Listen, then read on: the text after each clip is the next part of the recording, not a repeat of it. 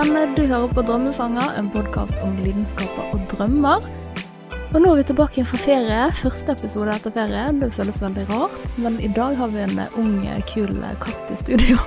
Silje Eiken Mannes, du er visuell designer for Speaklab, mm. et kurs- og kompetansesenter. Og så er du kunstner. Det er forresten moren din, Siri Lill, som driver dette Speaklab. Det stemmer. Jeg jobber for mamma. Ja. Jeg kunne trengt meg kurs der, bare sånn. Det kan vi helt sikkert få til. Ja. Men du Silja, som spør egentlig alle gjestene som, eh, som er her, hva drømte du om som liten? Kommer ikke til å tro det. Dette var før jeg skjønte så veldig mye av verden, men jeg ville bli nonne. Nonne. Nonne. Men det var fordi jeg kanskje skjønte veldig tydelig at jeg var veldig interessert i kunnskap. Eh, Så når jeg da Bestemor var jo ganske kristen, så jeg ble alltid sånn på søndagsskole og sånn. Så jeg hadde bare alltid fått for meg i hodet mitt at hvis du ville bli skikkelig, skikkelig, skikkelig smart, så måtte du i kloster. Har det, har, har det endret seg? Jeg skjønte litt mer av verden, og så fant jeg ut at jeg ikke vil bli nonne. Ja. Jeg tror det ble litt for strengt. Eh, en annen ting jeg vet at du skjønte tidlig, altså du vokste opp på Os, Ja. Men så din mor eh, var jo nyhetsanker i TV 2, Det er på Nøstet, så du brukte mye tid i sminkerommet der. Mhm. Og da vet jeg at du har sagt at du lærte veldig tidlig at verden er iscenesatt. Men ikke iscenesatt, så iallfall veldig sminket. Ja. At uh, du skjønner at det er veldig Folk ser på TV, og så tror de det er sånn det ser ut. Men det er ekstremt sterkt lys, for eksempel inne i studio, så du kan ikke sitte der uten veldig mye sminke på deg. Og du kan ikke gå rundt med den sminken til vanlig. Nei. Så du skjønner at uh, folk har ikke så fin hud, folk er helt normale når de er hjemme. Ja. Folk går på jobb, og så går de hjem. Er det noe Mm. du har tatt med deg videre i livet? Jeg har kanskje følt mye mindre på kroppspress fordi jeg aldri har sett på det som realistisk i utgangspunktet. Ja, det var fin. Uh, ja, frem til nå så har du bodd i Berlin. Uh, du holder på med soloutstillingen din med uh, ja, oljemalerier. du har på i over ett år, 24 verker. Ja. Ja, hvordan har det vært? Det er en sånn rar jobb, fordi at på en måte så er det aldri en sjef som kommer inn og, og sier 'dette og dette er ikke gjort i dag'. Eh, som, som, da må du være den sjefen. Eh, så jeg føler jo at jeg løper rundt og gjør ting hele tiden. Eh, men du får jo heller, heller aldri en klappen på skulderen heller, bare 'nå har du gjort det du skulle'. Så det har vært veldig fint å gjort det. Men også vært veldig slitsomt. Ja. Ja. Hva tenker du må være definisjonen på å liksom gå for drømmene sine? da Stikke til Berlin, eh, storbyen, og drive med kunst? Ja, jeg trengte et scenebytte òg, da. Mm. Bergen er jo kjempekult, men jeg gikk jo også på Katten i sentrum, så jeg følte jeg hadde trasket veldig, veldig mye rundt i gatene. Eh, Mm. Og når du ikke kan gå tre-fire gater liksom uten å bare hei, hei! det er jo kjempehyggelig. Men av og til så er det digg å kunne bare vært litt i fred og fokusert på kunsten òg. Ja. Og apropos, når begynte du med kunst? Eh, når jeg var åtte. Ja. Hvordan skjedde det? Eh, det har alltid litt sånn intriger i jenteklikker og sånt. Eh, så ble jeg på en måte dyttet litt ut av gjengen, da. Eh, og det går fint, folk vokser fra hverandre, kan du si. Men da fikk jeg over litt mye tid i en liten periode, der jeg måtte bare finne på et eller annet, og da bare begynte jeg å male masse, og ja, malte man- blant annet et kult maleri som henger på gamle barneskolen min, Os barneskole. Okay. ja, så det henger okay. i biblioteket der, da. Ja. Tok det lang tid før du merket at dette hadde noe Du hadde noe å fare med, på en måte? Vi hadde kunst og håndverk. Uh, lærerne var kjempeflinke. En av tingene vi gjorde, var at vi skulle kopiere kjente kunstverk. Uh, så hadde jeg et van Gogh-maleri. uh, og så ble jeg bare sittende og sittende og sittende med for det var sånn prikking. Mm. og eh, til slutt så bare lot læreren min sitte der i et halvt år ekstra for å gjøre det ferdig, selv om alle andre begynte å gjøre andre ting. Mm. Og de også syntes det ble fint. Ja. Fantastisk. Det var sånn der alle lærere skulle vært, å liksom eh, oppmuntre talenter, da. Det er ikke alle som er like gode i, i de ulike fagene. Hm, det hadde jeg egentlig tenkt ganske mye på. Men altså, når du, når du er i Berlin eh, og på en måte jobber altså, Hvordan jobber man med, med kunst sånn? Altså, Gå ut fra at det er ganske selvstendig, ut ifra det du sa med å uh, være sin egen uh, sjef og uh, prosjektleder. Først så trenger du penger, for du trenger et sted å være, og det du trenger å kjøpe det du trenger. Så trenger du den butikken der de selger det du trenger, Mm. og så må du gå og kjøpe det, og så må du gå og male og bruke de tingene du har kjøpt. Ja. Og så etterpå så kommer prosessen med å selge det du har laget igjen. Ja, og den prosessen, den, den er jo du, for du har jo nettside. Ja. Veldig fin nettside, så jeg ser at jeg ser veldig mange av eh, eh, bildene dine er solgt. Utsolgt. Eh, ja, men det er også fordi nettbutikken er ikke aktivert. Ja. Eh, så det er mer sånn eksempelbilder med ting som allerede er solgt og lagt ut for å se hvordan det blir. Ja, Ja. ok. Så den. den nettbutikken skal være oppe, fylt opp med nye varer og noen fremtidsstillinger. Ja. Ja. Men vi står på en måte midt i en eh, verdenspandemi som har herjet en god stund nå, nesten et år. Ja, hvordan har det påvirket eh, drømmen din og kunsten din, da? Eh, det traff mye hardere og mye kjappere i Berlin enn det gjorde her i Bergen. Eh, så jeg har satt så å si nesten i karantene et halvt år før det traff Bergen. Eh, så når jeg kom tilbake blant annet eh, i sommer, skulle reise hjem for å flytte hjem blant annet, men først eh, som privatperson, så å si, eh, bare meg, da eh, kom jeg til Danmark. Så jeg ble så sjokkert, fordi vi hadde tatt uh, toget til Kjøben. Mm. Uh, og da når de plutselig kom inn til Danmark, så sa de bare over anlegget Nå er vi i Danmark, nå kan alle ta av maskene. Oi. Det klikket inn i hodet mitt, alle så på hverandre. Mm. Og alle bare, ingen tok av en eneste maske. Nei, det er bra. Ja, Men det var jo så surrealistisk òg, når jeg kom inn på stasjonen, så sa du alle uten masker. Jeg fikk en nesten panikkangst. Bare sånn what? Ja. Vi fikk nettopp gå av dette toget, tuller du med meg? Ja. Uh, Jesus. Ja, men um, Ja, så, så kom du hjem til slutt til Bergen, da. Ja. Altså, Ja. samme reaksjon òg. Bare sånn, det er ingen som går med maske. Ja. Jeg skal gikk med maske på Kiwi før noen begynte, og så kom det sånn ambulansepersonell, og så bare smilte de sånn takknemlig. De hadde skjønt det.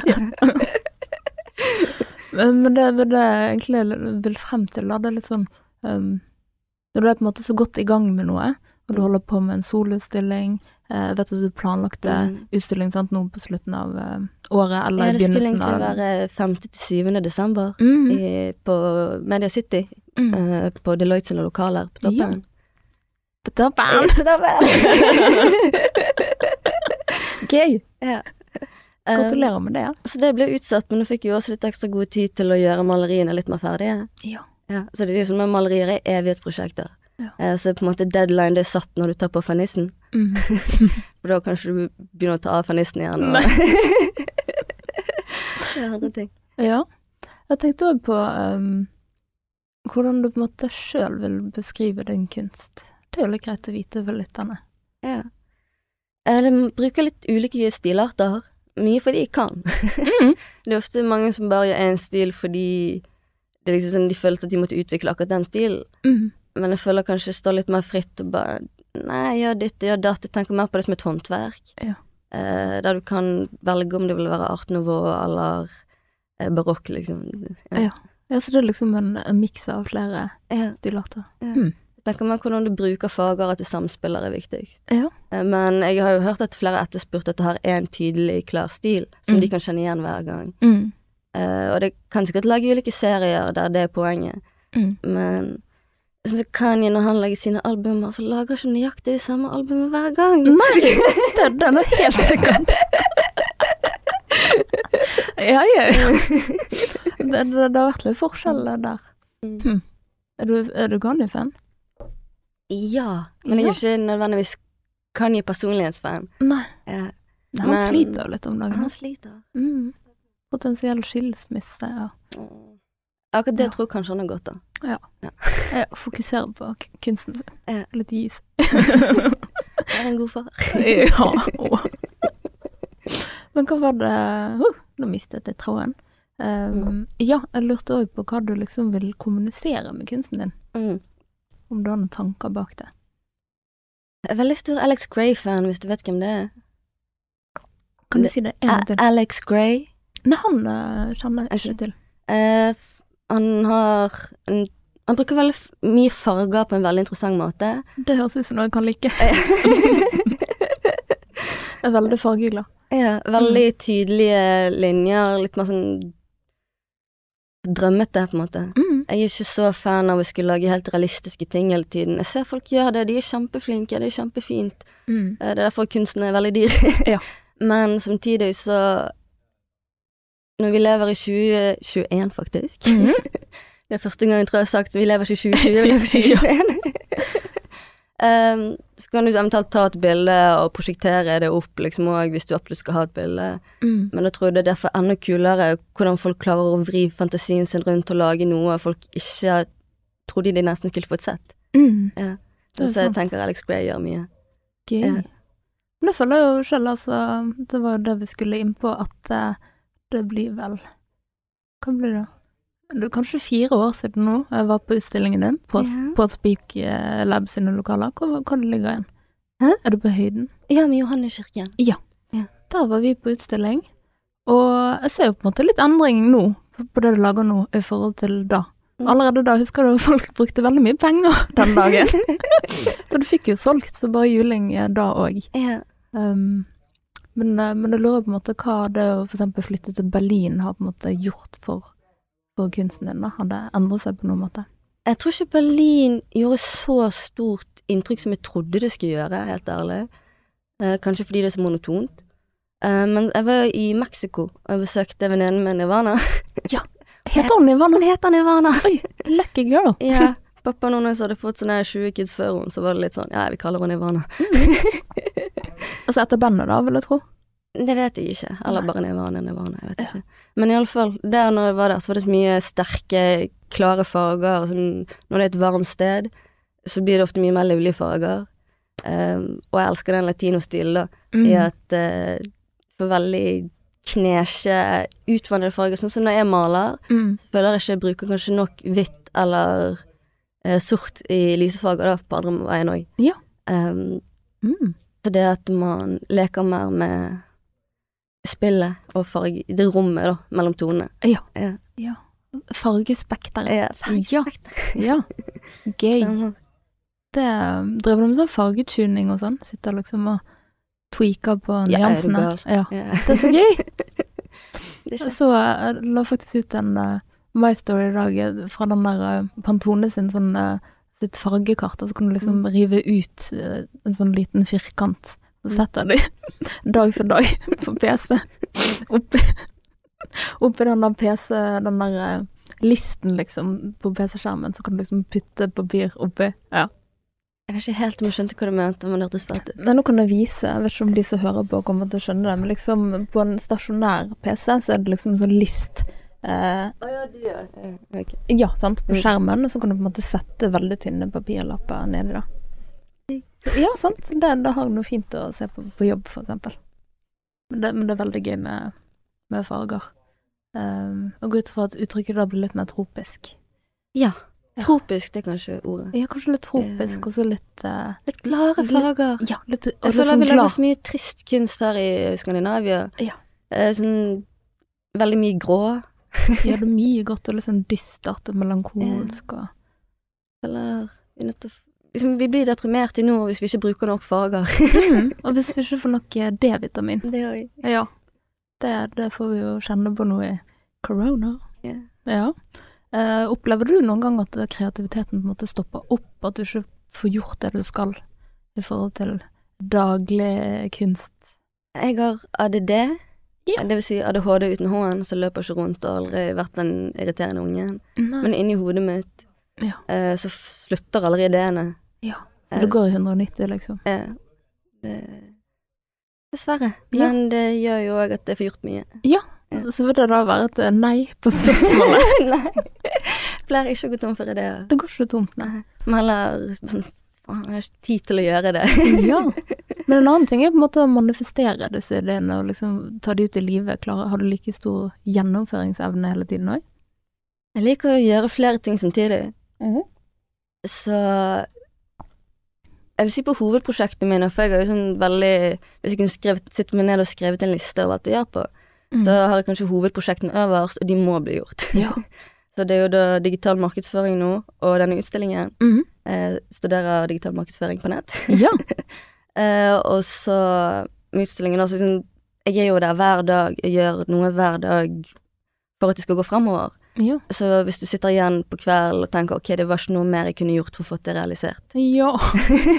Den var fin. Jeg lurer på, hvis vi, hvis vi tar mens du var i Berlin, da, hvordan så en typisk kunstnerdag ut eh, for din del? Eh, Ikke minutt for Iallfall minutt, men pandem- i hvert fall i pandemien. Stå opp, gå på bakeriet, uh, kjøpe frokost, og så gå hjem og male litt. Ja. ja høre på musikk. Uh, elsker òg å tulle med innspillinger. ja. Det tror jeg sikkert covret sånn 50 låter siden epidemien har vært. ja, så du synger rett og slett? Jeg vet ikke om det høres så fint ut, men det er gøy. Ja. ja. Du synger for, eh, for syngingens skyld. Det stemmer. det er jo bare koselig. Men um, en annen Unnskyld. En annen ting jeg lurer på, er jo dette med Altså, du har jo eh, en kjent eh, mor. Mm. Tenkte vi skal ikke snakke så mye om det, men eh, jeg lurer på Hadde det noen gang gjort at du føler at du må jobbe hardere, liksom for å bevise at Jeg vet ikke, kanskje bare sosialt. mm, Jeg har aldri følt noe press fra hun Mm. eh, eller andre, men det rareste kanskje hvis du kommer inn et sted du ikke kjenner noen, mm, eh, og så vet de på en eller annen syk måte hvem du er, og ja. du er bare sånn what the f. ja, det Eh. føles veldig rart, egentlig. Ja. Mm. Men jeg tenkte jo mer sånn i forhold til Mm. kanskje kunsten og det åpner jo mange kreative- dører, dessverre. Ja, men, Jeg syns det er egentlig litt kjipt. og det er kjipt. Ja, fordi at uh, man har jo veldig lyst til å bli anerkjent for det man gjør. Mm. Uh, så hvis man får en følelse av at man får fortrinn mm. på grunn av sånne ting, men for all del, det, noen blir født som kronprinser, og andre blir født som meg, og noen blir født som Jeg vet ikke, alle blir født som noe. Mm. Så da blir det sånn Det blir urettferdig på en måte òg å ikke gjøre det. Hva skal man liksom gjøre da? Ja, nei, det, Ja. det er ingenting å gjøre med det. Men eh, sånn sett er det jo på en måte positivt, da, hvis du kan nå ut til enda flere yeah. på bakgrunn av det er jo ikke så veldig stort heller, liksom. Hvis man får 300 likes på et maleri, så tror ikke jeg at hvis det hadde sett ut som en strektegning, så hadde ikke du fått 300 likes heller. Det er jo helt, uh, helt sant. Ja. Um, jeg tenkte òg på dette med markedsføring, yeah. som du studerer. Ja. Og Hvorfor, hvorfor akkurat markedsføring? Det er litt rart, for nå studerer du nå. Eh, læreboken så føler jeg det er litt lite markedsføring og veldig mye sånn hvordan man gjør det på digitale plattformer. Ja. Men vi er så unge at det er så intuitivt at vi har visst hvordan vi skal gjøre det siden sånn niende klasse, jeg vet ikke. Mm. Eh, så jeg føler jeg kanskje ikke jeg har lært så mye markedsføring, men veldig mye om digitale plattformer jeg allerede kunne. ja. Hvordan bli flink på LinkedIn? Jeg liker ikke LinkedIn. Mm. Nei, ikke heller. Men um, hm. Men det, ja, men det jeg egentlig tenkte på, var jo eh, altså hvorfor du valgte å studere det i utgangspunktet, da. Det er også fordi jeg jobber i den jobben jeg gjør Mm. eh, hos mamma. Ja. Så jeg blir, kommer eventuelt til å gjøre det for hun i fremtiden. Ja. Eh, så, så nå, nå har jeg bodd i Tyskland, og så har jeg også vært på skole i England litt. Mm. Og da vil man jo gjerne nå ut til et litt bredere publikum. Jeg har presset veldig mye mamma på at vi er nødt til å komme på engelsk, vi er nødt til å komme på engelsk. Ja. Eh, sånn som Tyskland ligger langt bak oss i å være på nett, Mm. eh, så blant annet bare selge det inn til det markedet. Ja. Der da må man er nødt til å være på nett Ja. og ha et produkt man kan selge med nettkurs, Mm. uh, som man ikke alltid trenger å møte opp sjøl på. Ja. Fordi det er det vi har gjort veldig mye, at vi alltid har vært der fysisk. Ja. ja. Jeg har lyst til å fortelle bare kjapt hva dere gjør på Speak Lab. Eller kanskje hva du gjør i din jobb. Eh, eh, når jeg var sånn 15-16, så var jeg jo mer assistent for mamma, Mm. men nå er jeg jo 22, Mm. så har jeg begynt å få eh, ekte stilling. Ja. Eh, men vi drar, hun drar mye rundt på konferanser, og så vi hele støtteapparatet rundt. Og da er det rett og slett kursing i blant annet foredrag og Ja, hun har holdt eh, veterankonferansen for Forsvaret, noe greier for NHO, hun var Ja, NHO-greiene Hun intervjuet jo Erna Solberg for et par dager siden. Ja. Flink. Ja. Så hun gjør på det hun gjør på, vi prøver å vaske kontoret og holde orden på regnskapet. Inngår det i dine Jeg er ikke på regnskap, Nei, det er ikke, ikke, men det er apparatet rundt, da. Ja. Ja. ja. Stilig. Nei, nødt til å prøve å komme opp på et kurs der. Det kunne jeg trengt. Yes. Nå skal vi videre til eh, spalte. En Ja. dag i livet til. Eh, Så nå skal vi se hva du gjør eh, til dagen. Så, når står du opp om morgenen? Mellom ni og elleve. Det, det er jo det, det, det er varierende. det varierer fra dag til dag, med andre ord. Så i dag så måtte jeg på møte klokken elleve, så det stod opp klokken ni. Ja. Det er fint, det. Eh, Hva sier du til deg sjøl i speilet om morgenen? Liker ikke å se meg selv i speilet. Men har du speilet på badet? Eh, det har jeg. Ja. ja så når du møter Så, så når du møter blikket Blikket der om Just morgenen avoid it, man! Ja, ja, ja. Når du Ok. Greit. Next. Hvem er det første du ringer til? Jeg tror vi bare sender meldinger. Ja. Ja, ok. Hvis jeg skulle ringt til noen Mamma. Mamsen. Eh, hvilket ord bruker du mest i løpet av dagen? Helvete. Er det det? Ja. Uff. Kanskje man må sensurere det. Nei, jeg tror det skal gå fint i denne, denne podden. Eh, hva lager du til middag? Eh, hvor er du når du spiser den, og hvem spiser du den med? Koker noe ris, lager noe saus, grønnsaker. Sitter der og eter for meg sjøl. Ja. Koselig. Eventuelt har jeg fått min type, så hvis han er innom, så Ja. Ja. ja. Gratulerer. Uh, hva gjør du på en fridag? Jeg har nesten aldri fridag, fordi jeg jobber hele tiden. Så det å høre fridag er litt sånn rart, for jeg har på en måte fridag hver dag samtidig som alltid jobber. Mm. Ja. Så det går altså fritid og Jeg kan Eh. administrere tiden min sjøl. Ja. Men òg kanskje siden du jobber med lidenskapen din, da, at det liksom glir over i altså fritid og jobb går liksom glidende overganger, kanskje? Det handler litt om at man bor og har bodd i sentrum, Mm. Uh, om at jeg er så vant til alltid å være der folk vanligvis er på jobb, da. Ja, det er sant òg. Mm. Eh, Hvilke podkaster hører du på? Din? Ja, så koselig. Jeg har på Drømmefanger de tre siste dagene. Yay. Men ellers um, Jeg hørte litt på den der nålebyen eh, du hadde en eller annen innom på. Ja, det er han som sitter ute i gangen her. Henrik eh, Hylland Ulveng. Okay. Ja, han Det- har produsert den.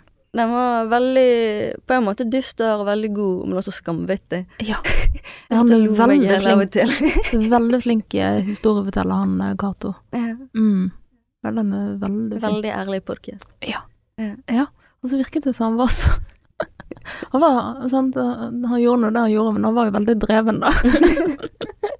det må jeg si. Ja, men det er veldig sånn typisk sånn som når du bodde i sentrum lenge òg. Du ser jo nesten ikke narkoman i sentrum lenger. Men da jeg var liten, Mm. eh, så liksom Nå var det byduer, og så var det narkomane overalt. Ja. Liksom, de lå ofte i veikanten, eller liksom nesten sånn lå og skjøt overalt, og sånn så Til og med på Os barneskole tror jeg vi hadde sånn blålys på dassen, liksom.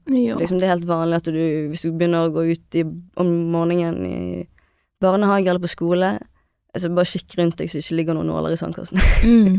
Og for oss er det så Det er ikke normalt. bra. Ja, men det er ikke bra, men for oss er det så normalt òg. Liksom sånn, en av de flinkeste tingene jeg tror Norge har gjort, Mm. det er offentlig skole der folk går i samme klasse. Mm. Fordi da kan du ha foreldre som har narkomane foreldre, Nei, du har barn som har narkomane foreldre. Mm. Du kan ha barn som har foreldre som er advokater. Mm. Du kan ha hele pakken i én klasse. Ja.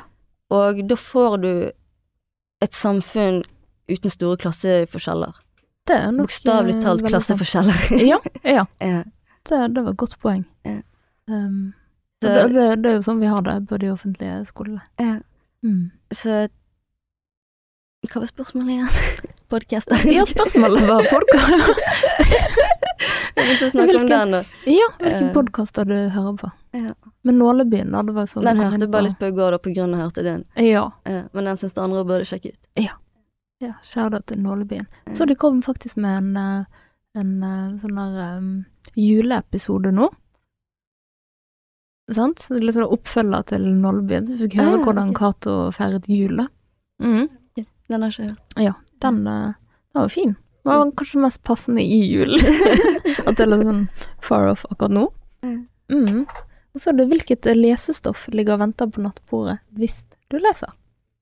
Eh, Akkurat nå så har jeg et atlas, faktisk. Mm -hmm. uh, mye fordi jeg savner å reise. Så jeg tror Ja. jeg sitter og bare sånn Hvor vil jeg helst dra? Ja. Uh. You're not alone. um, du snakket jo litt nå om ja, klasseforskjeller, um, sant, bybilde. Og da kan vi jo kanskje komme inn på at du har vært ganske politisk engasjert tidligere. Mm. Vil du fortelle litt om det? Du var jo blant annet Var det ordstyrer det het? Nei. Nei, eh, ordstyret. Sorry. ordstyret er den som leder møtene. ja. Nå falt det helt av. En talsperson. Talsperson. Eh, Grønn ungdom har ikke leder, så jeg var talsperson sammen med en annen person. Ja. Jeg tror det var Mikael. Ja. var- ja. Um, men jeg droppet ut da, av politikken da jeg var 16, og jeg droppet ut av skolen kind of fordi jeg var gjennom en abort. Mm. Mm. tok veldig mye fokus og nattesøvn. ja. Så det Jeg vet ikke Jeg tror det er veldig viktig at man har vært gjennom en eller annen utdanning, eller har en eller annen solid bakgrunn som gjør at man kan forstå de emnene man snakker om. Jeg sier ikke at unge personer ikke kan gjøre det, fordi jeg tror gamle personer kan være like dumme som unge personer, så å si. Mm. og de minste så har unge personer nettopp gått på skolen og lært oppdatert pensum. Mm. Det var et veldig godt poeng. Men for min egen del Mm. så har jeg lyst til å gjøre 3000 andre ting før jeg eventuelt går inn i en folkevalgt rolle igjen. Mm. Og en ting jeg reagerte litt over på, var politikerlønningene. For jeg skjønner for veldig mange unge personer som bare skjønner at oi, jeg kan få 800 000 kroner i en stilling du egentlig ikke trenger en eller annen grad til. Mm. Bortsett fra å være folkevalgt. Lukrativt. Ja. Men, men eh, jeg lurer litt på hvordan du fikk denne eh, talspersonrollen i utgangspunktet. Ja. Når skjedde det? Eh, det handler mye om ansvar. Mm. Eh, hvor villig er du til å jobbe ekstremt mye for å ikke få betalt? Mm. For dette var et ungdomsparti også, Mm. så det var ikke betalt stilling i det hele tatt. Ja. Så det er egentlig MDG sitt eh, ungdomsparti? Ja. Eh, s- så, men det var jo da lokal grein i Hordaland, Bergen. Mm. Så det handler jo om at vi måtte organisere sinnssykt, sinnssykt mye. Ja. Jeg det er jeg kjempeglad for at i norsk skole så kan man få det gyldig fravær. Mm. Politisk fravær. Ja. Ja. ja, jeg vil jo tro at det edder til eh, utdanningen, det òg. Ja. Og selv om du nå eh, har eh, holdt på å si, eh, droppet ut, så vil jeg tro at kanskje ditt politiske engasjement har fortsatt på, på personlig plan. Ja. Ja. Kommer det til uttrykk andre steder i tingene du gjør? Mamma er jo journalist, så jeg har veldig lyst til og liksom har vokst opp med det, da, så jeg har lyst til å på et eller annet tidspunkt gå rundt og intervjue folk i Bergen med kule historier. Litt sånn som du gjør. Ja. Bare, bare gå ikke rundt, da får du opp hit. exactly. mm. Men det å lage portretter av helt vanlige folk tror jeg også er den beste måten å få fram hvordan samfunnet egentlig er, og sånn som med Nav eh, Ikke katastrofe, Nav-skandale og sånt. Mm. tror det kunne vært unngått lett hvis de bare hadde snakket med de de gjaldt skikkelig, Ja. og hatt nok ressurser til å hjelpe dem. Mm. Gjelder ikke det alltid det å snakke med de det gjelder? De det faktisk gjelder? Ja. Ja. Mm. Det er sant. Ja, eh, siden du altså, siden det var akkurat eh, eh, MDG sitt ungdom, så vil jeg tro at du har et miljøengasjement òg.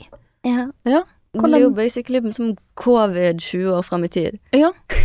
At folk, kanskje spesielt som ikke lærte på skolen som pensum, da, Mm. ikke forstår at det er reelt, Ja. er jo helt sinnssvakt. Ja, det er mange som benekter eh, global Det er litt som å vite at du kommer til å få masse hull i tennene om 20 år, og så bare tar du det ikke til deg i det hele tatt, selv om Ja. tannlegen står og bare ikke spis CO2, vær så snill. Men jeg tenker folk har liksom ulik Mm. grad i å kunne ta stilling til ting før det faktisk har skjedd. Eh, så det kan jo ha noe med det å gjøre. Selvfølgelig. Mm. Populisme. Ja, populisme. Det er derfor jeg likte MDG òg foran de andre partiene, for de vil ikke gå til høyre eller venstre, de vil gjøre det som fungerer i praksis. mm. Uh, du kan jo diskutere hvor stor grad MDG er i stand til å gjøre det i praksis, Mm. men de har i det minste det fundamentet jeg ville stått på, da, Ja. om at eh, vi går ikke til høyre eller venstre, vi følger det vitenskapen sa fungerte. Mm. Hm. Eh, men hva kan vi gjøre for å redde planeten da, Silje? Eh, det er litt vittig. Mm. Du vet hvordan de skal dra til Mars nå? Mm, ja Jeg vet egentlig ikke for mye om den. Og så var det noen som foreslo, da, fordi de skulle finne en motor som kunne ta de helt fram, at de skulle bruke en vannmotor, for de var jo så effektive. Ok. Hvorfor kunne ikke vi brukt det på jorden for 50 år siden? Helt seriøst. liksom, jeg tror vi har veldig gode alternativer, egentlig, men så er det en enorm bransje, blant annet Norge, med Equinor, som ikke er villig til å omstille seg fordi da taper de enorm profitt og makt i markedet. Mm. Så jeg tror det handler mer om mangel på vilje til omstilling, og at forbrukeren står ikke så veldig sterkt opp mot de store selskapene. Mm. Eh, og sånn som nå har jo også selskapet fått rett til å saksøke frem i tid for tapte utgifter de kunne fått hvis loven ikke hadde blitt forandret. Såpass, ja. Ja, så det er veldig sånn stort press fra store selskaper om status quo. Nå fikk jeg lyst til å tenke på Mars vannmotor. Vi har mye teknologi vi kunne anvendt, og liksom selvfølgelig, desto mer du bruker og begynner å bruke, desto mer utvikler teknologien seg. Det er så vittig med meg, sinte menn over 40-50 med bil. Eh, som sier sånn 'Vi kan ikke bare elbil, bla, bla, bla, bla, bla'. Men det er en omstillingsfase der teknologien er nødt til å få bli god nok Mm. til at det funker, kanskje bedre enn til og med den gamle modellen. Ja. Ja, Det er jo flott å se at så mange kjører elbil nå, da. ja det er kjempefint. Det er utrolig, Men egentlig. det er jo latterlig mange. Teslaer. Ja, ja det er mange Teslaer. Tesla. Jeg tror jeg har sett en eller to Teslaer i Berlin mens jeg bodde. Ja. Og så sender jeg sånne bilder sånn, hver gang jeg ser en Tesla spesielt til en venn i Berlin. Ja. I Norge er det sikkert hver tiende bil en Tesla. Exactly. Men uh, uansett, altså det er jo bedre enn uh, enn, eh, bensin og diesel. Uansett. Ja, men det spørs jo òg selvfølgelig hvordan man har tar vare på avfallet, sånn som òg med glassfiber fra de store vindmøllene. Mm. Eh, problemet er at de store selskapene igjen da går inn og gjerne kanskje delvis ødelegger en god idé Mm. med å ikke utføre ideen på den måten det burde blitt gjennomført. Sånn så jeg er for vindkraft, men jeg er ikke for vindkraft sånn som det er blitt gjennomført. Nei. Ja. Det kan da overføres til så mangt. Ja. Men uh, med alle disse lidenskapene dine og engasjementene dine, hvem er det du blir inspirert av? Sterke personer generelt. Mm. Jeg syns uh, det var ekstremt trist at Oddekar tok dagen. Ja, Det, absolutt. det var Det var et stort slag i trynet for miljøbevegelsen, egentlig. Han er Det- kanskje den største legenden i Norge på akkurat det, iallfall i Bergen. Ja. Ja. Det var fint å se hvor mye han ble hyllet, da. Absolutt. Det var det. Mm. Vi hadde trengt han. Det hadde vi, ja. Nå eh, ble vi, ble vi oppfordret til å, til å ta videre det han eh, var startet på, da. Ja. Får får vi, vi prøve. Men vi gjør han stolt. Ja, gjør han stolt. Absolutt. Ehm, du har sagt at ditt drømmeyrke er standup-komiker og filmregissør. Ja.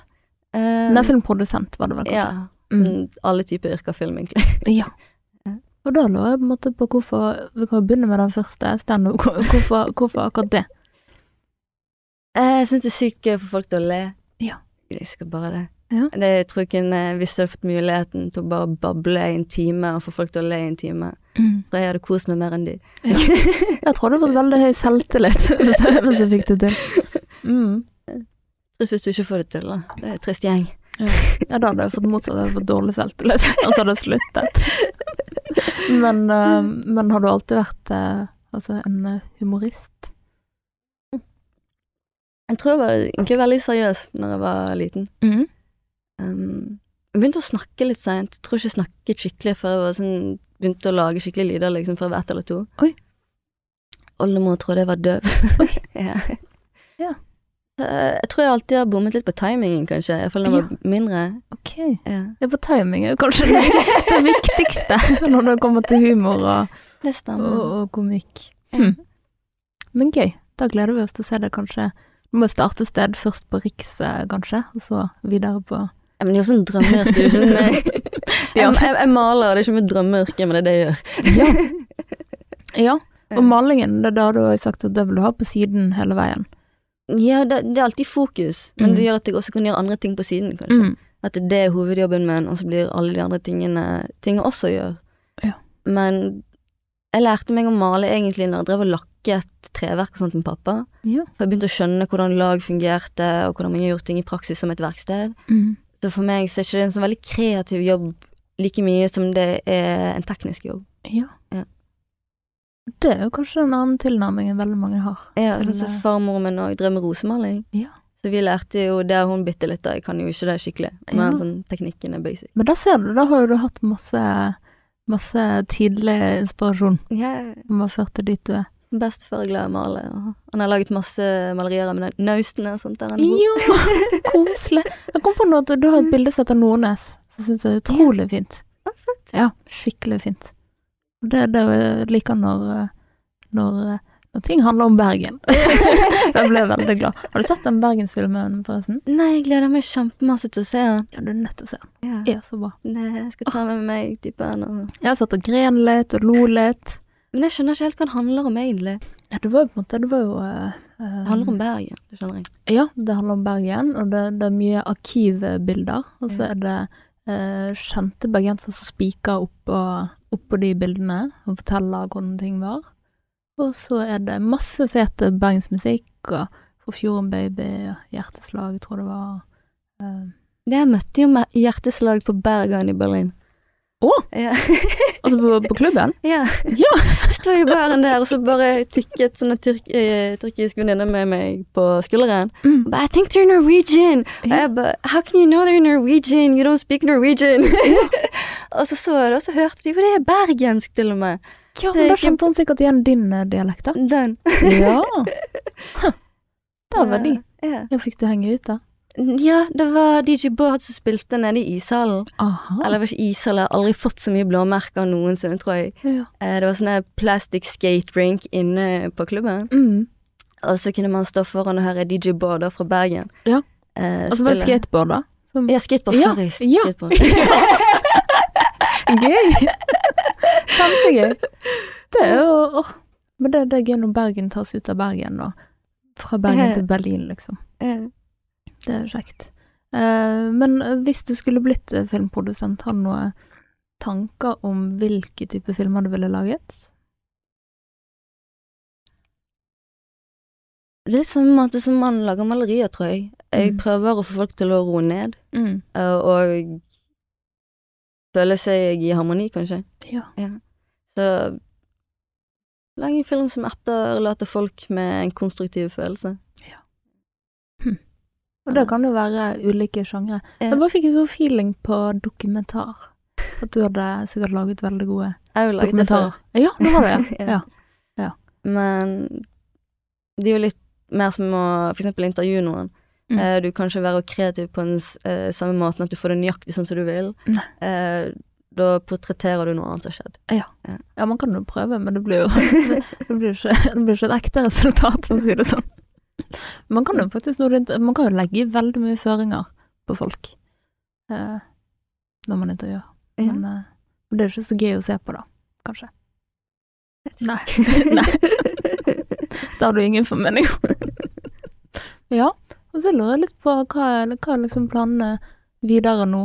Eh, nå er det jo korona, og, men vi har noe Sant, da er utstillingen som Mm. er utsatt. Ja. Ja. ja. Ja. Hva tenker du videre nå? Uh, Ble litt tatt på sengen? jeg tror jeg har jobbet så mye med å bli ferdig med denne utstillingen nå, ja. at når noen er ferdig, uh, så trenger Silja en liten to ukers ferie, kanskje. ja. Ja. Fordi når jeg jobbet nesten hver dag i over et år, og det har jo vært jul og alt mulig, men sånn, så jeg har jo flyttet hjem fra Berlin av korona, og det har vært mye flytting og. Maling, og jeg har fått meg hund, så jeg går Ja. går tur med henne tre-fire ganger om dagen. Ja. Så når dette er over, så skal jeg iallfall bruke en halv dag før jeg begynner å gjøre noe nytt. Ja. ja, det fortjener du, da. Gud. Men jeg har alltid noe å gjøre. Det, det, mangler aldri på ting å gjøre. Nei. Problemet å få det gjort. Ja. ja. Du forklarte litt hvorfor. Men jeg tenker sånn når du jobber så intensivt med et prosjekt i over et år, Ja. eh, er det sånn at når du liksom skal slippe det, slippe det fri eh, til, til resten av verden, da at man nesten er liksom ferdig med det sjøl? Jeg tror det tristeste blir å selge det. Mm. Fordi man har jobbet med noe så lenge at man har blitt glad i det. Ja. Så det blir litt sånn traurig å ikke få se det, liksom. No, noen av maleriene blir det godt å få ut, fordi jeg føler jeg er skikkelig ferdig med det. Ja. Men spesielt et som blir mitt, og føler jeg sjøl masterpiece, Mm. eh, Edens hage. Ja, Edens hage. Ja, Sånn to meter ganger en og en halv meter eh, maleri av fungi, insekter, dyr, yeah. eh, fisker, fugler, eh, natur oh. og himmel. Og det blir rart å eventuelt ikke ha det i stuen min. ja. Eh, Har du noen formening om hvem liksom din typiske kunde er?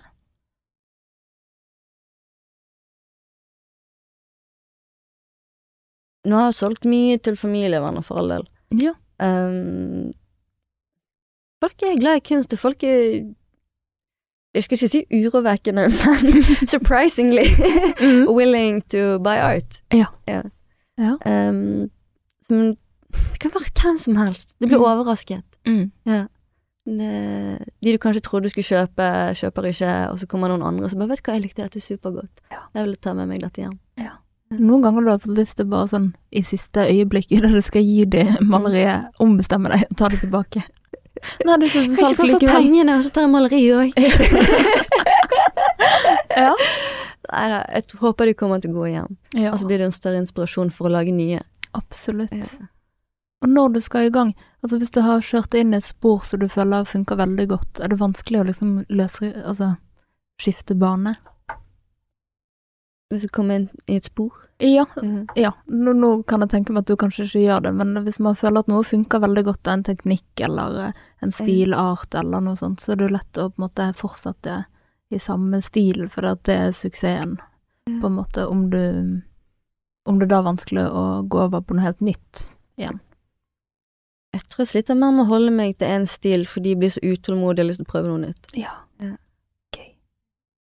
Ja. Og så rent sånn maleteknisk, henter du inspirasjon fra noe der?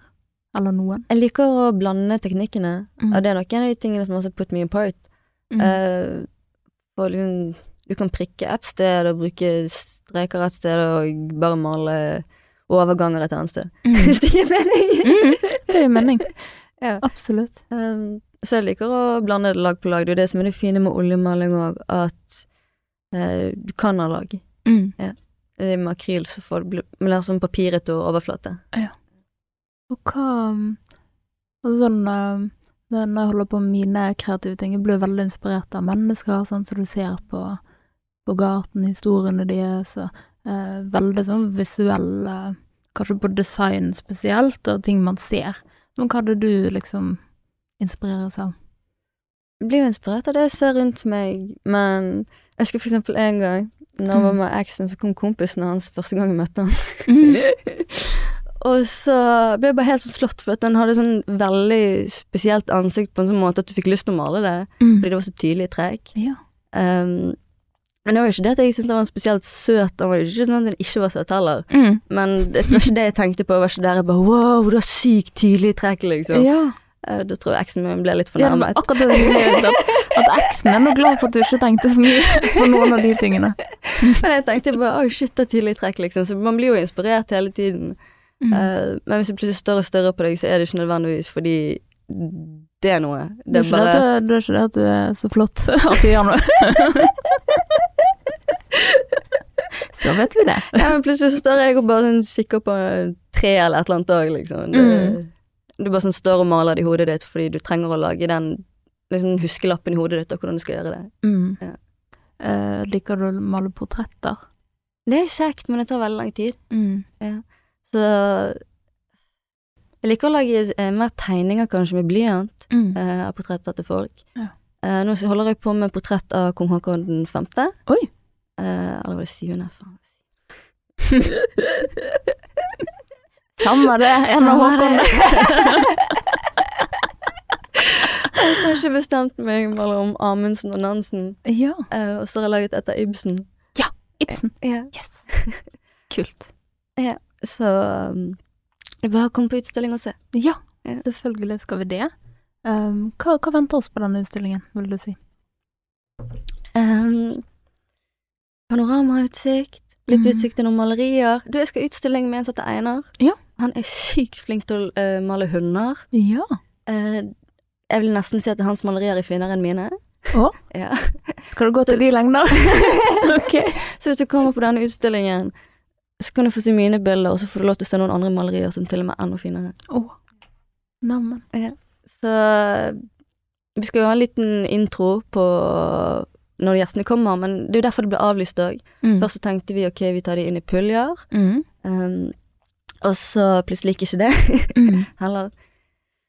Så nå er det bare å vente til folk er vaksinert og Ja. tingenes tilstand går tilbake igjen. Ja. Ja. Vi kommer til å selge litt suvenirer, uh, så å si. Ja. Av, eh, vi skal printe opp litt av kunsten i posters og på klær. Ja, for så at du òg har lagt til rette for merch inne Ja. på siden din. Ja. Og så får folk litt champagne i glasset, og Ja. høre på noe god musikk. Ja. Ja. ja, du er flink til Da Det kom jeg på nå, at det var ganske god oppvartning på den utstillingen jeg var på sist òg. Digg. Ja. Det hører liksom med. Det var med. Men hvordan kom samarbeidet med Einar? eh, Vi må nevne etternavnet hans òg. ja, eh, nå har jeg litt dårlig hukommelse her. Ja. Det går fint. Det er kompisen til min stefar. Ja. ja. Han er oss og Norges Nei, europamester i frisør. Ja. Det, så han driver også og klipper meg. Ja. Gøy. Og så er han norgesmester i duehold. Det var mye sånn det, sånn. Europamester, Norgesmester. Ja, ja. Men han har funnet alle sånne nisjene, ja. og så har han bare blitt skikkelig flink. Altså, Urettferdig, da. At Ja, noen skal liksom være flinke flink i flere nisjer, og noen, noen er ikke det noe. Nei da, alle er flinke til noe. Ja. Men det er ikke alle som blir norgesmester, var det jeg mente. Einar Skjervheim. Ja, gøy.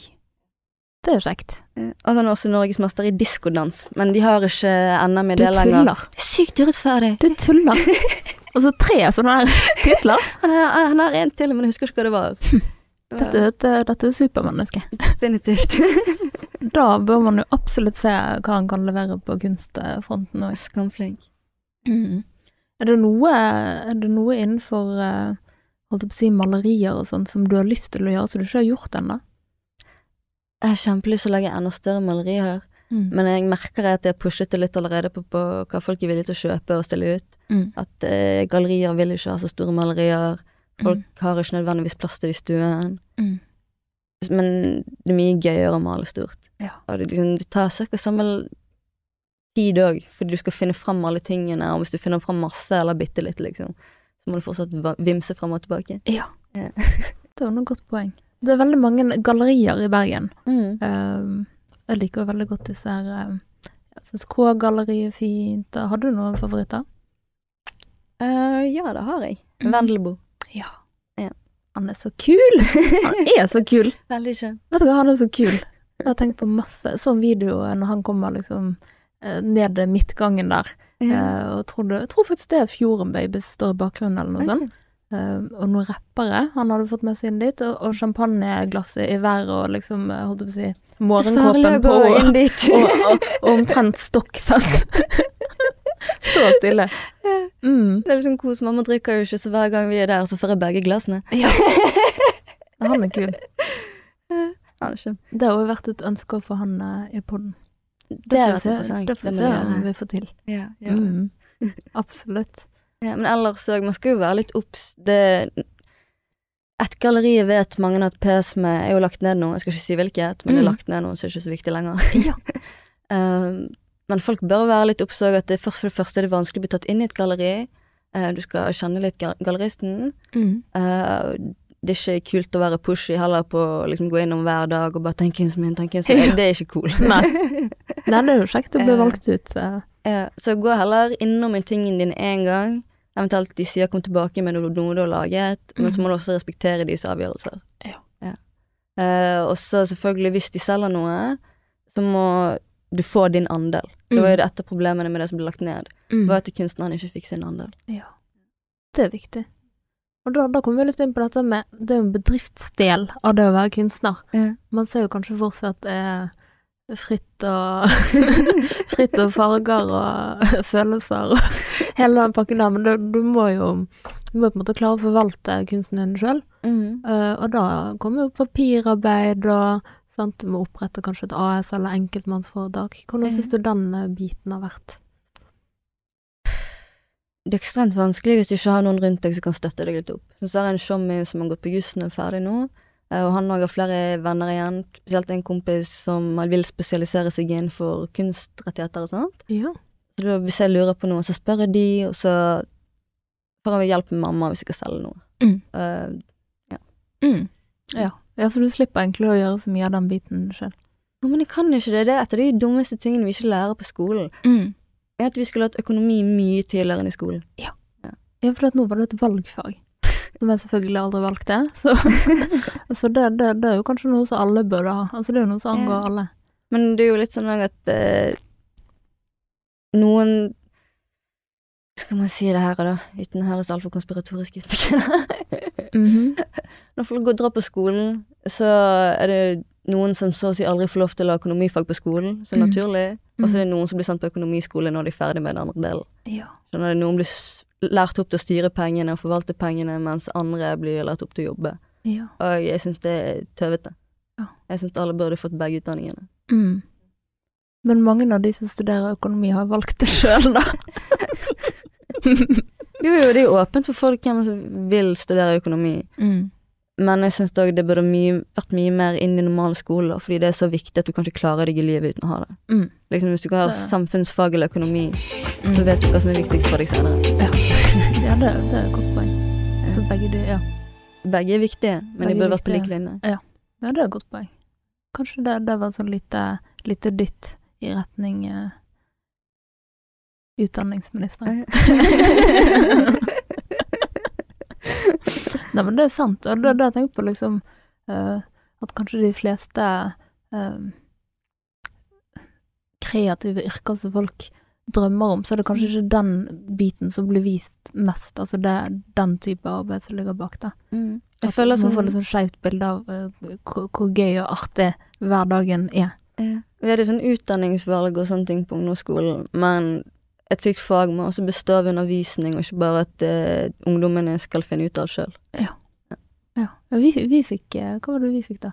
Altså, vi, vi fikk velge mellom eller Vi fikk søke på et par bedrifter, og så besøke de, og det var vel det. Ja. Mm. Man lærer jo ikke hvordan bedrift er satt sammen av å gjøre det, liksom. Nei, nei, jeg endte, endte opp i et eller annet sånn entreprenørselskap. Noe sånt bygg og anlegg eh, nede på um, Hvor var det? Kambur. Ja. Det, jeg fikk ikke så mye uttelling for det seinere. mm. Men um, det jeg tenkt på for din del, altså Du har på en måte fulgt en vei eh, som mange ikke tør å ta, som kanskje mange har lyst til å ta, men at det virker for eh, hva skal jeg si, krevende, kanskje. Så lurer jeg på en måte på hva som gjorde at du turde å satse, for det, det er ikke så mye sikkerhet i det du holder på med, sant. Mm. Ja. Um, Sant å bo billig òg, mm, tror jeg er veldig viktig. Ja. Uh, kunne leve på lite. Ja. Ja. Ja. så det, det er på en måte ofringen du gjør. Men jeg ser ikke på noe annet som et alternativ. Egentlig enten så gjør, går det jeg gjør, bra, Mm. eller så har jeg ikke penger. Mm. Så da blir du enda mer inspirert til å gjøre det skikkelig. Ja. ja. ja, så det er kanskje litt det at man ikke skal ha så mye plan B, for at da må plan A lykkes. Du kan jo ha sidekick-planer, Ja. men Parallell, jeg kan sitte her om ti år, og så kanskje jeg ikke er maler lenger. Mm. Men jeg kommer til å gjøre det som står i min makt før den tid, da. Men jeg Mm. kommer til å gå videoprodusent i tillegg, eller eller annet. Mm. Så Ja, Hvis jeg jobber uansett for mamma, så har jeg jo den i ryggen. absolutt. Ja. Ja, det er der du er smart. Minstelønn. Minstelønn i selskapet. Nei da, nå blir mamma sur. Ja. Å. Ja. Den, den stiger ikke minstelønn, skjerp deg! Men, men, men, eh, men det stiger nok eh, med tiden. Ja, jeg er for all. Ja. Er Ferdig med utdanning og sånt først, kanskje. Ja. Men eh, har du noe Har du noe høyde Altså, du har hatt en ganske lang karriere allerede. Eh, jeg vet ikke når vi skal sette startpunktet her. når vil du si? Eh, med maling jeg begynte da jeg var åtte, og så har jeg gjort det så å si veldig regelmessig Ja. siden. Når var det du begynte å selge? Det er det første, jeg sikkert 16, noe sånt. Ja. Jeg tror jeg begynte å forstå det òg litt. Jeg pleide alltid å henge i stredet når jeg gikk på Katten. Mm. Eh, og det var jo kanskje da folk har begynte å legge merke til bare, Oi, du kan tegne. Ja. ja. Så at man fikk den kicken òg på at uh, Vil du kjøpe det? Gøy. Kan du huske hvordan du fikk solgt uh, ditt første? Nei, det begynte kanskje litt mer sånn der eh, Ok, lag en stensil til meg, eller et eller annet, så kan du få en øl, eller eh, liksom sånn Ja. Jeg trenger jo ikke få penger heller, liksom. Du kan Hei, du kan få sitte og drikke kaffe her i hele dag hvis jeg får en tegning. Ja. Liksom. Ja. Altså, du byttet litt sånn tjenester i starten, og så, så ble det grin til slutt. Ja. Mat og øl. Gøy. Men, men det jeg lurte på, var jo om du har noe høydepunkt så langt i, i karrieren din, da. Jeg gleder meg utrolig mye til denne utstillingen som kommer nå. Ja. Jeg merker det sjøl på kroppen. Jeg har gått og finslipt og pusset på de maleriene. Sånn, sånn. Jeg klart å bli ferdig. Ja. Jeg gleder meg til å legge på fernisten nå. Ja. Ja. Og så skal du få nye eiere. ja. Ja. Jeg få begynne på ny? Det er som å jobbe på en avhandling kjempelenge. Du blir jo litt lei av å lese den samme greien hele tiden. Absolutt. Ikke at jeg har skrevet noe avhandling, men Men jeg skjønner følelsen. Um, og så tenker jeg at de som kjøper kunsten din, hvis de er litt kule, at de, de kanskje sender et bilde, så du får se hvordan det henger eh, på veggen. Har du fått, noen fått Det er sånne? obligatorisk. Ja, det er det. Ja. ja, er ikke det gøy å se, da? Det er kjempekjekt. Mm. Ja, og så er det hender det at folk får det i gave òg, at hvis den personen som får det, faktisk blir glad, Ja. eh, som det ofte blir, det er veldig gøy å se. ja. Fordi det er alltid litt skummelt å gi kunst i gave til noen. Ja, det er veldig personlig òg, Mm. på en måte. Det blir veldig sånn Ha dette i stuen din. Ja, ja. Hvis du ikke liker det da, så ja, kom igjen, over sofaen. Litt. Men um, det har jeg liksom tenkt på at det er veldig fint um, uh, dette med at liksom eh, disse bildene lever, altså levetiden er jo enormt lang. Det er jo det Så det er litt kult at du liksom legger fra deg disse sporene som bare kan leve evig, egentlig, og Den- gå videre og videre Ja. i generasjoner, da. Tenker du ofte på det? Eh, Det er kjempekjekt. Ja. Liksom, verden er sykt tilfeldig, Mm. og hva som skjer med kunsten min eventuelt senere, det får være det samme, egentlig. Ja. Det var kjekt å lage det. Ja. Hvis jeg jeg på et bilde, syns jeg det er så gøy å liksom vite, vite litt om den som har laget det. Mm. Men hvor mye lar du de som kjøper, liksom få vite om deg? Nå bidrar jo dette veldig, da. Om jeg må si det sjøl? Kan du høre på podden? Ikke så veldig stor grad, tror jeg. Hvis du ser alle de ulike seriene samlet, sånn som Mm. blir kommet på utstillingen, da tror jeg du kanskje skjønner det litt mer. Ja. Men hver for seg. Så vil jeg også at det skal være ting folk kan like totalt uavhengig av meg. Ja. ja. Føler du òg at du har liksom en rød tråd i de ulike Mye utstillingene historie. Ja. Ja. Syns jeg laget tre store malerier med halvristninger. Ja. Oi. ja, og så skal Såpass. det komme sånn der eh, mønster over med nordlys. Mm. Nydelig. Ja. Uh, og så er det den portrettserien. Så det handler jo litt om å flekse hva man er i stand til å skape. Ja. Eh, først, og så kan jeg heller, hvis jeg har fått et eller annet navn, mm. begynne bare å lage nøyaktig det jeg vil i utgangspunktet. Og selve prosessen når du holder på, altså får du bildet opp, altså visuelt, sjøl, eller bare maler du liksom eh, Holdt jeg på å si, du vet jo ikke neste pennestrøk før det er der, på en måte. Du lager jo ofte en skisse først. Ja. Eh, ofte òg hvis du skal lage store malerier, så er det greit å ha en liten anelse om at når du, spesielt oljemaling, Mm. at når du har begynt med den malingen, så skal den være der, for det er sykt vanskelig å få vekk. Ja. Ja. ja. Og det er dyrt å drive og kjøpe nye sånne canvas hele tiden. Spesielt når du jobba med lag, hvis du tar for mye, så kan det ta flere måneder før det tørker. ja, for å si det sånn, vi hobbykunstnere får jo føle litt på det at det liksom disponerer plassen helt feil. det er mange sånne halvferdige bilder hjemme hos meg. Det kan være greit å begynne med bakgrunnen, Ja, og så lage basic motivet, og så lager du detaljen til slutt. Ja, og det har jeg kanskje lært at det kan være greit å liksom eh, ha et veldig lett sånn blyantstrøk eh, som du skisser opp. Ja. Ja. Ja, men det tok litt tid før jeg skjønte det, da. Du liker å male? Hæ? Ja, jeg liker å male, ja. Hvor flink jeg er, er jo en annen sak. Nei, men eh, det er jo på en måte Det, det er gøy å bare være inne i noe, sånn, så mister du sånn tid og sted og mm, Det er jo veldig deilig. Og så får man jo sånn utløp for det man føler, eh, føler jeg, da. Og liksom kan ta det ut i, i bildene. Så man ser jo hvilket humør man har hatt den dagen, for å si det mildt. Det er mye gøyere å jobbe med sånn som krøller. mm. Sånn som jeg lager sånne pieces også bare for gøy, liksom. Ja. Og da blir det litt mer sånn punkstil. Sånn Du hadde kanskje ikke fått solgt det, men det var kjempegøy å lage det. ja. Og det syns jeg er så gøy, og jeg driver ofte og tenker jeg er veldig glad i duft, da. Så nå er det litt sånn på Jeg har eh, gått til innkjøp av litt eh, bøker om eh, hvordan man lager parfyme. Digg. Så nå har jeg tenkt å gå i gang. Um, sikkert lettere sagt enn gjort, enn gjort. Men, men jeg har alltid liksom vært uh, interessert i dufter, da prøver å tenke sånn Å, denne låten, hvis det var en duft, hvordan, hvilken, hvilken uh, noter ville den hatt, på en måte? Hvilke toppnoter skulle den hatt, og hvilke bunnoter hadde den sangen vært? Og hvis, hvis, du, hvis duften av sorg, hva er det, for eksempel? Og Ja. sånne ting. Det, det, det er en veldig fin måte å liksom trene opp eh, sansene på det, egentlig. Det er jo veldig overførbart til fargene. Mm. Jeg syns hver farger har ulike følelser. Sånn Ja. som jeg begynte å male, så var jeg mye mer på det at hvert maleri var en følelse. Ja. Um, det gjør jeg kanskje så mye lenger, for jeg vet ikke hvorfor jeg gjør det. Liksom Hvis du skal lage 24 verker, så kanskje du ikke kan føle alle på samme måte. Ja, så noe liksom eh, føles sterkere enn andre. Ja. Ja. Det, Tror du man kan se hvilken Altså sett utenfra, da, tror du man kan se hvilken det er? Ja, liksom Hvis du har et blått maleri, så er jo blått det lik ro.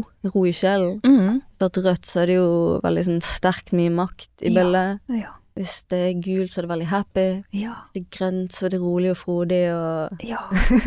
ja. Jeg ser jo eh, Altså, når jeg møter folk, så ser jeg liksom for alt opp en farge på Altså, det, det leste jeg liksom en egen ting. Mm. Det heter et eller annet som jeg har glemt nå, men, men det er liksom Sant? Det Du eh, ble grønn nå, for å si det sånn. Men det, det er jo en sånn Jeg vet ikke, kanskje det bare er en Altså, kanskje det er at høyre hjernehalvdel er veldig aktiv, tror jeg. Ja, ja.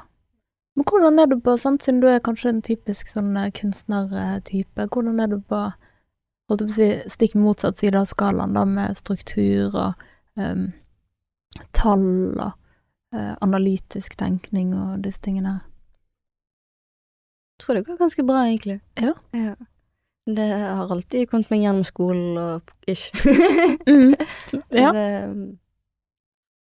ja, liksom Jeg blir veldig flink til det jeg interesserer meg for. Mm. Eh, Så hvis jeg ikke interesserer meg for det, så kan jeg egentlig bare glemme det. Ja. Men hvis jeg interesserer meg for det, så lærer jeg alt til det er ferdiglært, på en måte. ja. Eller det blir jo ikke ferdiglært i noe, men det er veldig den sulten etter å alltid få mer, liksom sånn på Mm. Kanskje ikke akkurat matte, men mer sånn kjemi og fysikk.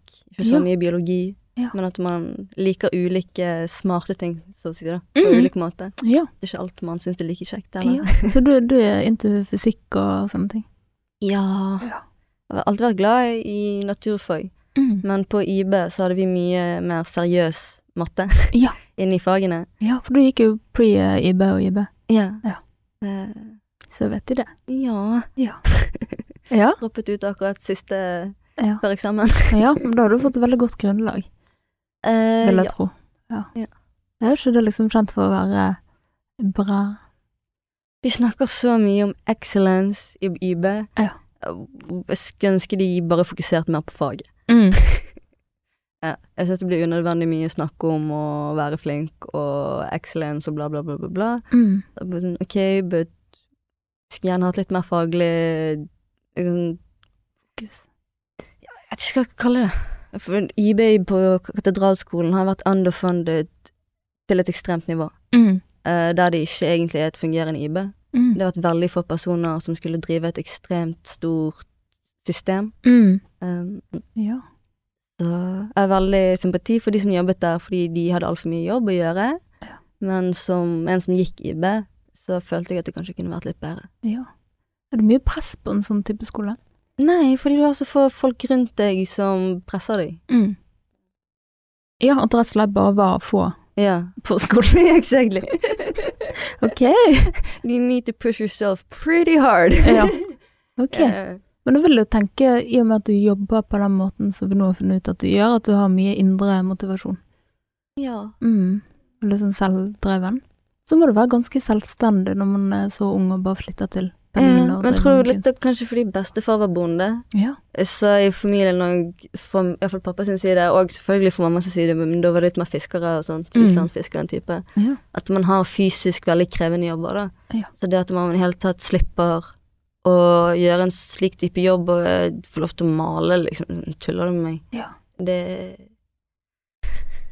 Mm. veldig takknemlig for at jeg får muligheten, og da må jeg gjøre det til jeg eventuelt ikke får det til lenger, og så Ja. Og når du på en måte velger en så eh, kreativ vei, som på en måte skiller seg ut fra sikkert veldig mange andre du gikk på skole med, sånn, hvordan er på en måte støtteapparatet rundt? Altså har du blitt oppmuntret, eller har du blitt eh, prøvd Mm. å liksom bli presset inn i noe annet, altså noe tryggere? Eh, Alexander Dale Oen drev alltid og snakket om den blinde eh, Nei, døve frosken. Mm? Eh, vet ikke om du har hørt om det? Nei, jeg tror ikke det. Okay. Eh, tenker deg at du har eh, en liten frosk, da, så si, alltid noen som står og sier til den frosken at du kommer aldri til å klare å hoppe opp på den pålen, det er altfor høyt for deg. Mm. Men den frosken er døv. Og så en dag så sitter den frosken oppe på pålen, og så er det ingen som skjønner hvordan den frosken klarte det. Eller det var noe sånt. Mm. Eh, så jeg tror det er mer å bare jobbe med det du i utgangspunktet ville, og så ikke ta imot dårlig kritikk fra andre. Eventuelt konstruktiv kritikk, det er bra. Mm. Men uh, don't listen to the haters, man. Ja. uh, Ja. ja, at uh, de som gir god kritikk, sånn som mamma, Mm. eh, de, som man også kanskje tar med en klype salt. Ja. Fordi de som er glad i deg, vil aldri gi deg helt ærlige tilbakemeldinger, tror jeg. Nei, det, er, Så det er å være litt kritisk til seg sjøl. Mm. Så Ja. stille krav til seg sjøl og prøve å være litt objektiv da i forhold til eget arbeid. Har du sånne critical eh, boards, som det heter, med, med mennesker som, som er dine go-tos når det kommer til å få konstruktive tilbakemeldinger? Mamma, typen, Ja. venner, Ja. ja. Ja. Eng, Ingrid, Ja. venninna helt oppe hele gjengen. ja. Nå er det tid for shout-out. Jeg må ikke glemme noen, så bare holde kjeft. Ja. ja. Ingen nevnt, ingen glemt. Ja. Men det, det er fint at du har blitt eh, støttet. Drømmefanger støtter deg, så vi gleder oss veldig til eh, utstilling. Og tusen hjertelig takk som ville komme. Tusen takk for at du fikk komme. Bare hyggelig. Og tusen takk til deg som hørte på. Hvis du likte episoden, så må du gjerne følge oss på Facebook. Der heter vi også Drømmefanger. Tudelut.